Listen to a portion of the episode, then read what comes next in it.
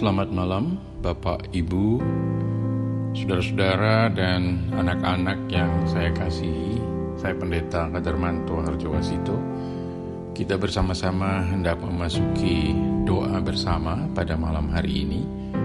Kita bersiap dengan mendengarkan lagu berikut.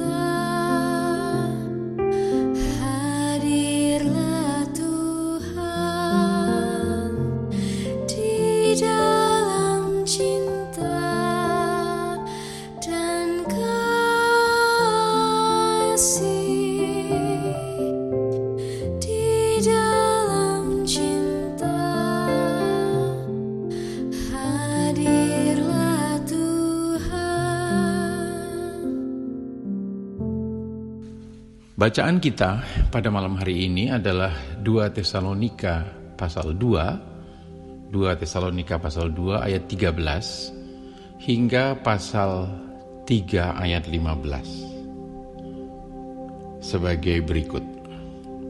Surat dari Rasul Paulus kepada jemaat Kristen di Tesalonika. Dalam bagian itu Paulus menuliskan demikian.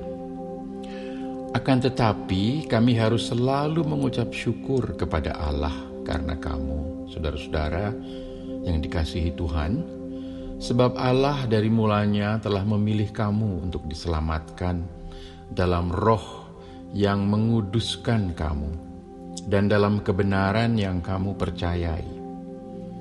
Untuk itulah ia telah memanggil kamu oleh Injil yang kami beritakan, sehingga kamu boleh memper oleh kemuliaan Yesus Kristus, Tuhan kita.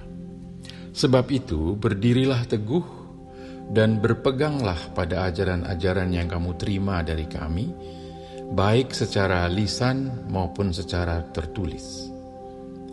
Dan ia, Tuhan kita Yesus Kristus dan Allah Bapa kita, yang dalam kasih karunia-Nya telah mengasihi kita dan yang telah menganugerahkan penghiburan abadi dan pengharapan baik kepada kita, kiranya menghibur dan menguatkan hatimu dalam pekerjaan dan perkataan yang baik.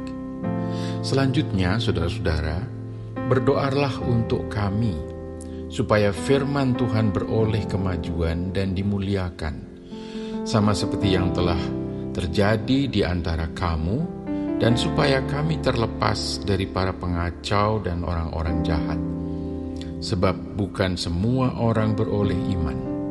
Tetapi Tuhan adalah setia. Ia akan menguatkan hatimu dan memelihara kamu terhadap yang jahat. Dan kami percaya dalam Tuhan bahwa apa yang kami pesankan kepadamu, kamu lakukan dan akan kamu lakukan. Kiranya Tuhan tetap menunjukkan hatimu kepada kasih Allah dan kepada ketabahan Kristus. Itulah bacaan kita pada malam hari ini dan saya akan mulai dengan kisah Suparmo terserang malaria dan istrinya sebagai ilustrasi dan kisah ini adalah peristiwa yang sungguh-sungguh pernah terjadi 78 tahun yang lalu. Tahun 1942, tahun yang sama dengan berdirinya GKJ Jakarta, seorang muda, kita sebut saja namanya Suparmo, yang baru lulus dari sekolah teologi dipilih oleh Sinode GKJ untuk menjadi pendeta dalam tugas khusus ke Sumatera bagian selatan. Suparmo ditabiskan di Purworejo. Dia menikah dengan perempuan bernama Mur, berprofesi sebagai direktur administrasi dan keuangan sebuah rumah sakit Kristen di Jawa Tengah. Tentu Mur meninggalkan pekerjaannya karena mereka harus mulai pekerjaan pekabaran Injil dari nol di Sumatera bagian selatan dan secara mandiri harus mengadakan sarana dan prasarana yang diperlukan untuk pelayanan di sana. Mengapa? Sebab tidak lama setelah pasangan pengantin baru itu tiba di Lampung, tentara Jepang menduduki Indonesia dan memutus semua jalur komunikasi. Sebulan setelah mereka tiba di Lampung, Suparmo terserang malaria yang hebat. Akibatnya, dalam rentang waktu lebih dari enam bulan berikutnya, Suparmo harus beberapa kali mengalami krisis dan hampir meninggal setelah berbulan-bulan bergulat melawan malaria dengan satu-satunya obat yaitu pil kina atau kinine tubuhnya sampai pada taraf menolak pil kina itu setiap kali obat itu dimakan perutnya langsung menolak dengan memuntahkan kembali obat itu setiap kali pil itu dimakan muntah kembali dan kondisi itu dan juga makanan yang dimakan dimuntahkan kembali. Kondisi fisik Suparmo tinggal tulang berbalut kulit. Keadaan ini menimbulkan perasaan kecil hati. Tentu saja, istrinya sebagai orang yang lama bekerja di rumah sakit, walaupun di bagian administrasi dan keuangan, sedikit banyak mengenal kiat-kiat pengobatan Lalu ia menghancurkan pilkina yang harus dimakan oleh Suparmo, oleh suaminya, dicampur dengan air hangat, dan dibalurkan ke seluruh tubuh suaminya dengan harapan agar obat itu yang ditolak oleh perutnya terserap ke dalam tubuh suaminya melalui pori-pori kulit. Dan pada taraf itu, Suparmo mengatakan kepada istrinya, "Bu, rupanya saya sudah mau mati. Kalau saya sebentar lagi mati, ibu pulang ke Jawa ya. Dan suasana percakapan menjadi sangat mencekam. Kenapa jawab istrinya? Pak, jawab Ibu Mur, kita berada di sini karena Bapak dipanggil dan diutus oleh Tuhan untuk membangun gerejanya di Sumatera bagian selatan. Bapak sudah dipilih oleh sinode, Bapak sudah ditahbiskan dan sudah diutus oleh Tuhan untuk bekerja di sini. Tetapi karena keburu terserang malaria, Bapak belum bisa melakukan tugas panggilan itu. Jadi saya berkeyakinan bahwa Bapak tidak akan mati. Tidak mungkin Tuhan memilih dan mengutus Bapak Lalu Tuhan akan memanggil Bapak sebelum Bapak melakukan tugas. Jawab dari istrinya itu sungguh-sungguh telak dan menyentak kesadaran Suparmo. Mengingatkan akan arti dikuduskan. Itu yang kita baca tadi. Dikuduskan yaitu dipilih untuk tujuan tertentu Mendengar kata-kata istrinya itu semangat hidup Suparmo timbul kembali dengan dahsyat. Dan dalam beberapa minggu berikutnya, Suparmo berangsur-angsur sembuh dan dapat mulai melakukan tugasnya. Nah, saudara-saudara sekalian dan anak-anakku, kisah ini sungguh-sungguh pernah terjadi. Dan terkait dengan bacaan kita, Paulus menulis surat kepada jemaat di Tesalonika bahwa Allah telah memilih kamu untuk diselamatkan. Bahwa Allah telah menguduskan kamu dalam kebenaran yang kamu percaya. Lihat ayat 13c. Untuk apa? Untuk pekerjaan dan perkataan yang baik. Ayat 17. Jadi jelas, arti dikuduskan adalah dipisahkan bagi tujuan-tujuan tertentu dalam kaitan dengan status jemaat status orang percaya sebagai warga kerajaan Allah. Pasal 1 ayat 5b. Alkitab juga menyebut di sana sini tempat tertentu sebagai tempat yang dikuduskan, misalnya Gunung Sinai. Alkitab juga menyebut persembahan sebagai yang dikuduskan. Alkitab juga menyebut hari tertentu sebagai hari yang dikuduskan, misalnya hari Sabat. Alkitab juga menyebut nama tertentu sebagai nama yang dikuduskan, nama Allah. Jangan main-main dengan nama Allah, jangan disebut dengan sia-sia, karena itu kudus. Dan manusia yang dikuduskan oleh Allah. Misalnya umat Tuhan dalam perjanjian lama disebut juga uh, yang dikuduskan. Atau jemaat dalam zaman perjanjian baru sampai zaman kita sekarang disebut juga sebagai yang dikuduskan. Nah Bapak Ibu, Saudara-saudara dan anak-anakku semua dalam konteks surat Paulus kepada jemaat Tesalonika ini Allah telah memilih jemaat sebagai warga kerajaan Allah untuk melakukan pekerjaan dan perkataan yang baik. Pasal 1 ayat 5b dan pasal 2 ayat 17. Oleh karena itu, dalam keadaan apa pun berdirilah teguh dan berpeganglah pada ajaran-ajaran yang telah kamu terima. Tulis Paulus pada ayat 15 pasal 2 ajaran-ajaran yang telah kamu terima dari kami baik secara lisan maupun secara tertulis. Dan kalau Paulus hidup pada zaman Covid ini pasti juga secara virtual Tuhan akan menguatkan hatimu dan memelihara kamu. Pasal 3 ayat 5. Dan Paulus percaya sungguh bahwa jemaat akan terus-menerus melakukan apa yang dia pesankan dengan kesadaran jemaat akan kasih Allah dan ketabahan Kristus. Paulus sungguh-sungguh berpikir positif tentang jemaat. Pasti bisa kamu. Saya percaya, saya yakin kamu akan melakukan yang saya pesankan dan akan terus berusaha melakukan itu karena kasih Allah dan ketabahan Kristus yang menjadi teladan. Berdoa dan bekerja pada akhirnya kita sering terlalu mudah, terlalu cepat berdoa. Tapi yang kita doakan belum juga kita kerjakan dalam hidup kita sehari-hari. Mungkin kita lupa atau belum memahami sepenuhnya arti doa doa juga harapan dan tekad dan ikrar bahwa kami akan melakukan hal-hal yang kami doakan itu.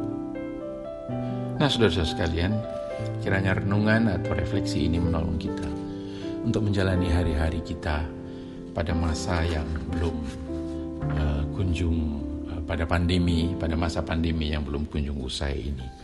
Mari kita sekarang bersama-sama berdoa dalam doa Bapa kami yang yang akan dinyanyikan.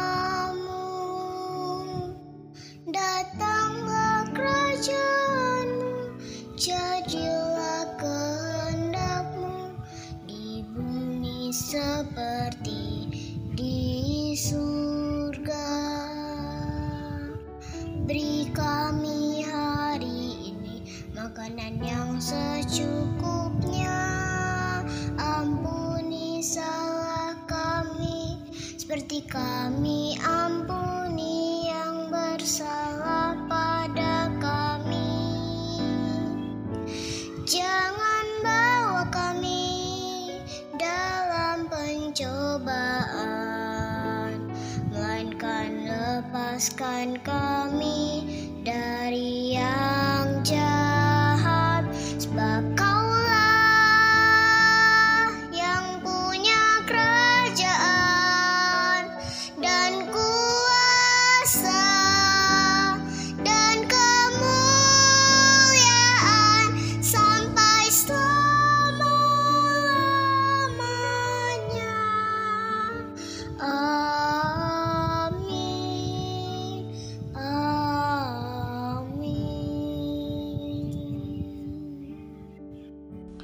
Kita lanjutkan dengan doa syafaat dan pada akhir doa syafaat ini jemaat menjawab dalam pengasihanmu. Eh saya akan mengatakan dalam pengasihanmu kami mohon dan jemaat akan merespon sesuai dengan uh, rekaman ini. Kita berdoa. Bapa yang Maha Kasih yang kami kenal dalam Kristus Yesus dan yang selalu menyertai kami dalam Roh Kudus. Kami bersyukur Tuhan karena Engkau telah memilih kami, Engkau telah menguduskan kami untuk tujuan-tujuan tertentu, untuk tugas-tugas tertentu, untuk pekerjaan dan perkataan yang baik, begitu menurut surat Paulus ini. Tolonglah kami ya Tuhan untuk melihat dan menghargai hal keterpilihan ini, hal mengkuduskan kami oleh tugas-tugas yang telah kau tentukan ini. Sehingga kami sungguh-sungguh melakukan apa yang Tuhan harapkan, apa yang Tuhan kehendaki. Dalam pengasihanmu kami mohon. Tuhan,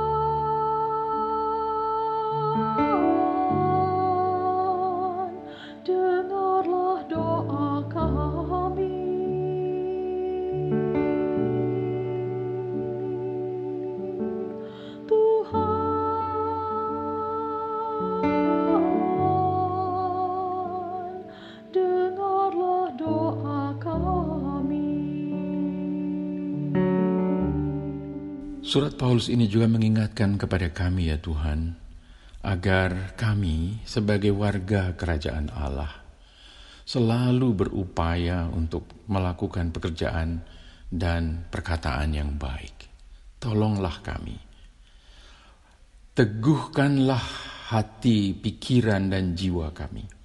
Sehingga kami terus dapat berpegang pada ajaran-ajaran yang telah kami terima. Dari para pendeta, dari bahan-bahan yang kami baca dan kami ikuti dengan saksama, baik lisan maupun tulisan maupun secara virtual. Dan Tuhan kiranya senantiasa menguatkan hati kami dan memelihara kami. Kami ingin meneladani kasih-Mu yang besar kepada dunia dan kepada manusia ini. Dan kami ingin juga meneladani ketabahan Kristus. Dan biarlah ya Tuhan, setiap hal yang kami doakan juga kami kerjakan. Kami upayakan dalam hidup kami sehari-hari. Dalam pengasihan-Mu kami mohon.